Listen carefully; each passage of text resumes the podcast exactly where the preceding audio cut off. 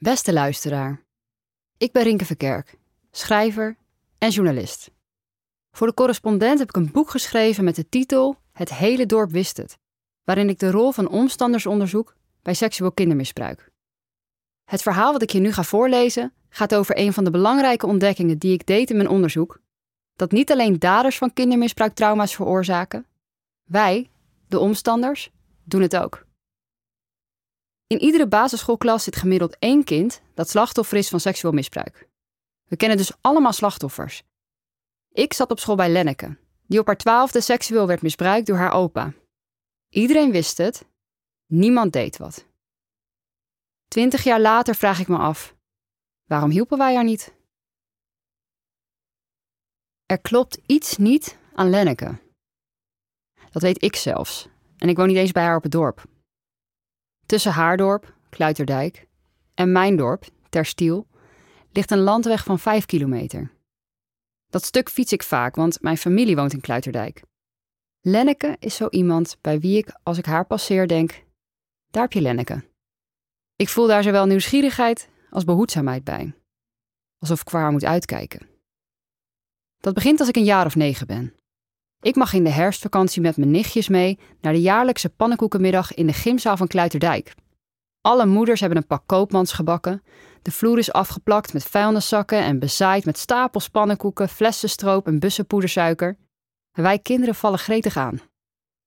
Al gauw is de stapel van mijn groepje op. Het groepje naast me heeft er nog genoeg, maar als ik daar een pannenkoek wil pakken, word ik in mijn zij geport en gewaarschuwd. Die moet je niet eten hoor. Dat zijn de zeemlappen van Helene van Dijk. Helene van Dijk, weet ik, is de moeder van Lenneke van Dijk. Lenneke zit ook in de gymzaal. Zij eet de pannenkoeken wel.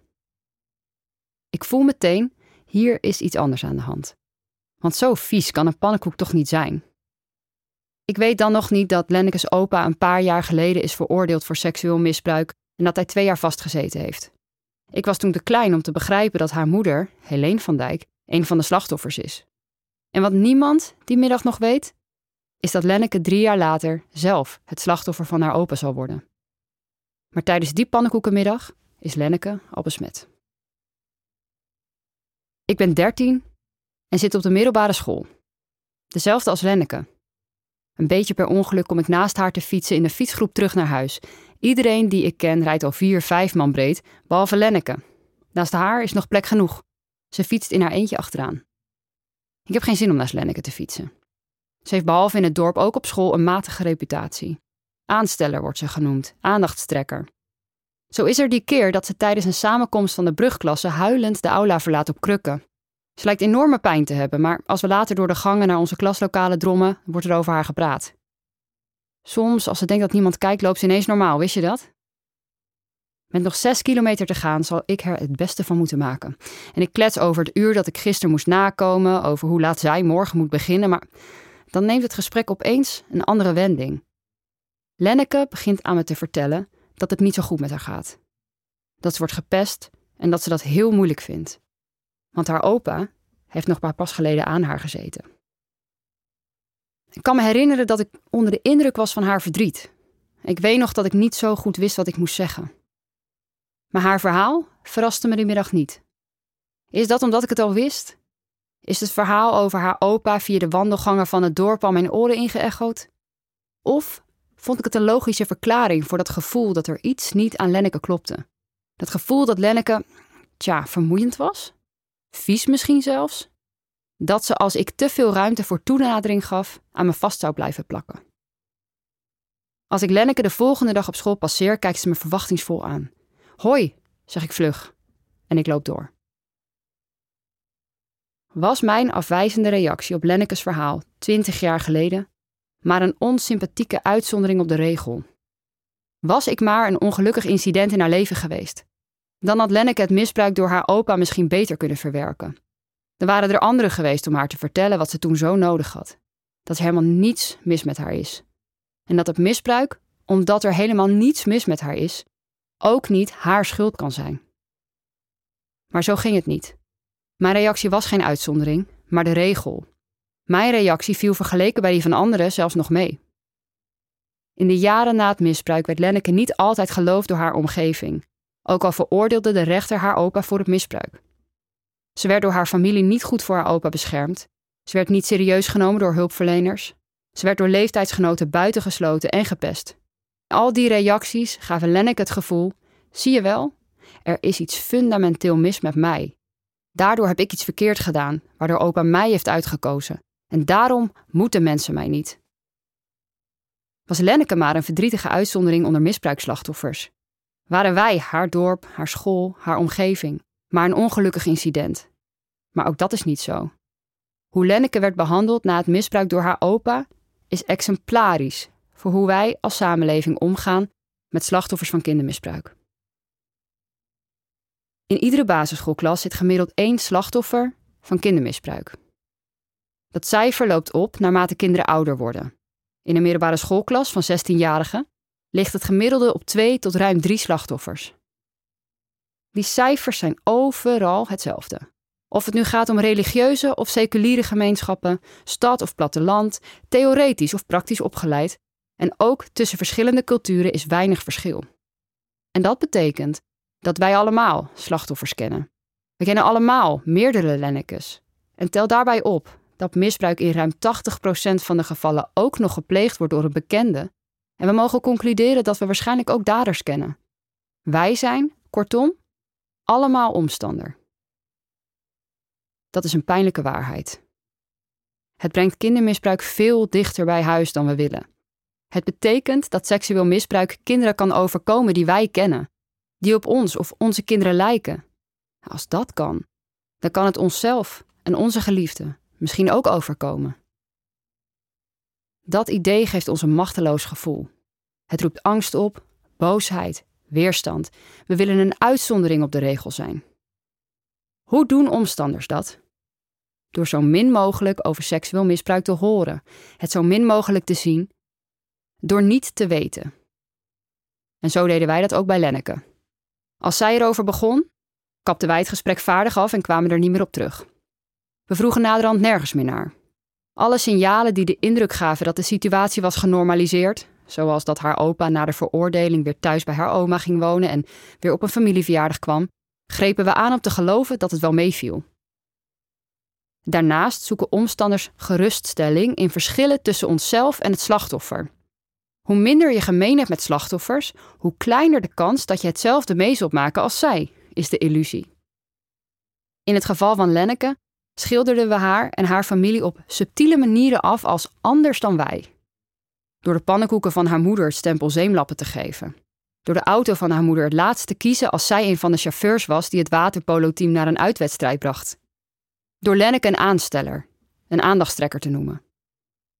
We konden onszelf vertellen dat wij niet zo zijn. Onze pannenkoeken zijn lekker. Onze auto rijdt beter. Wij trekken geen aandacht. Wij stellen ons niet aan. Dus zal misbruik ons en onze familie niet treffen.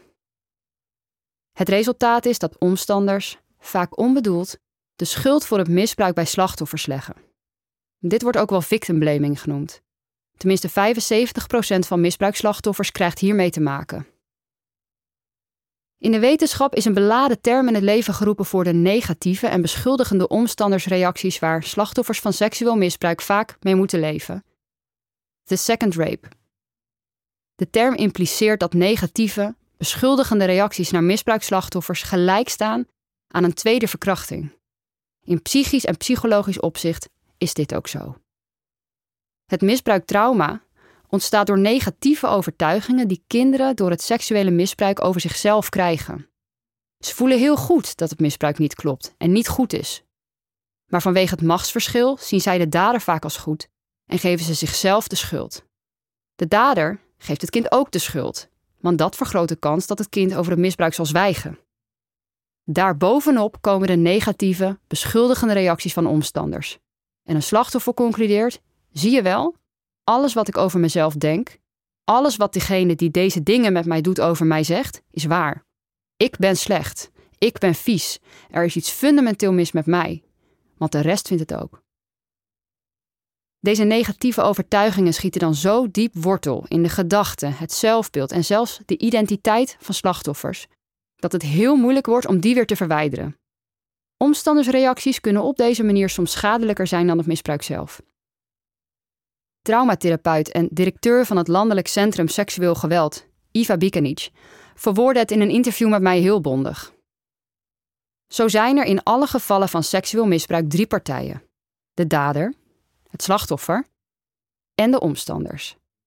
De dader geeft het slachtoffer de schuld, het slachtoffer geeft zichzelf de schuld en de omstanders, die geven het slachtoffer ook de schuld. De dolk komt hoe dan ook altijd terug in de rug van het slachtoffer. Er bestaat bij seksueel kindermisbruik dus geen neutrale positie. Wie omstander is van seksueel kindermisbruik, en dat zijn we allemaal, heeft hoe dan ook invloed. dat is best heftig. Want wegkijken van seksueel misbruik doen we niet alleen uit zelfbehoud. We doen het ook omdat we simpelweg niet weten wat we moeten doen. We hebben ergens een slecht gevoel over, iets vreemds gezien, iets gehoord, iets toevertrouwd gekregen, maar we willen het niet erger maken. We willen het niet verkeerd doen, dus doen we vaak niets. Maar ook niets doen is partij kiezen. Daar waarvan wordt weggekeken, kunnen geheimen bestaan. En kindermisbruik bestaat bij de gratie van geheimhouding. Wie wegkijkt en niets doet, schept ruimte voor de dader. Wat slachtoffers van omstanders nodig hebben, is juist dat ze wel willen zien wat er speelt. Dat omstanders bereid zijn om te luisteren naar hun verhaal. Dat omstanders bereid zijn om over seksueel kindermisbruik te praten. Dat omstanders bereid zijn om contact te zoeken met professionals als ze iets vermoeden of te weten komen. Alleen dan kan het uit de geheime sfeer ontsnappen waar daders het zo graag willen houden. Misschien lijkt het nu alsof omstanders slachtoffers alleen kunnen steunen ten koste van zichzelf. Maar het is juist andersom. Doen wat goed is voor slachtoffers is de enige manier om ook omstanders recht te doen. Door te doen alsof er niets aan de hand is, scheppen omstanders juist de voorwaarden waarbinnen misbruik in hun gemeenschap kan bestaan. Het maakt niet alleen slachtoffers, maar ook de omstanders kwetsbaar. Daarnaast is victimblaming ook schadelijk voor degene die het doet. De omstander wordt namelijk medeplichtig aan het lijden van slachtoffers. Dat medeplichtigheid aan het leed van slachtoffers van seksueel misbruik zwaar weegt, daar kan ik als omstander over meepraten. Twintig jaar na die fietstocht met Lenneke zat mijn reactie op haar verhaal destijds me nog dwars. En dat is de reden dat ik haar in de zomer van 2021 een bericht stuurde. Om haar te vragen hoe het met haar ging en hoe ze terugkeek op hoe ik toen met haar ben omgegaan. En of ze niet eens koffie met me zou willen drinken, om me daarover te vertellen. Ze stemde toe. Ja, zei ze op een koude novemberavond aan een houten cafétafel.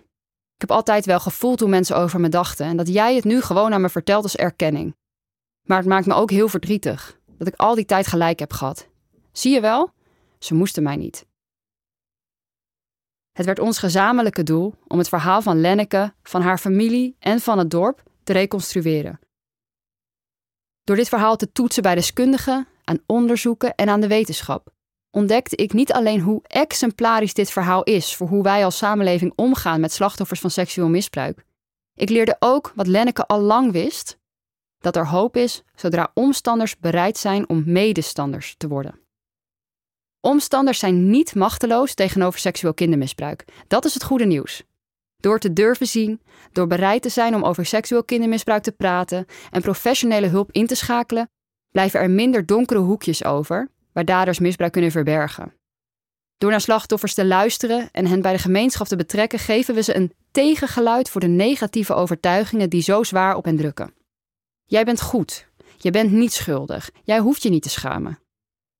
Als slachtoffers zich gesteund voelen door omstanders en ervaren dat ze erbij horen met hun verhaal, kan het een plek krijgen in hun leven.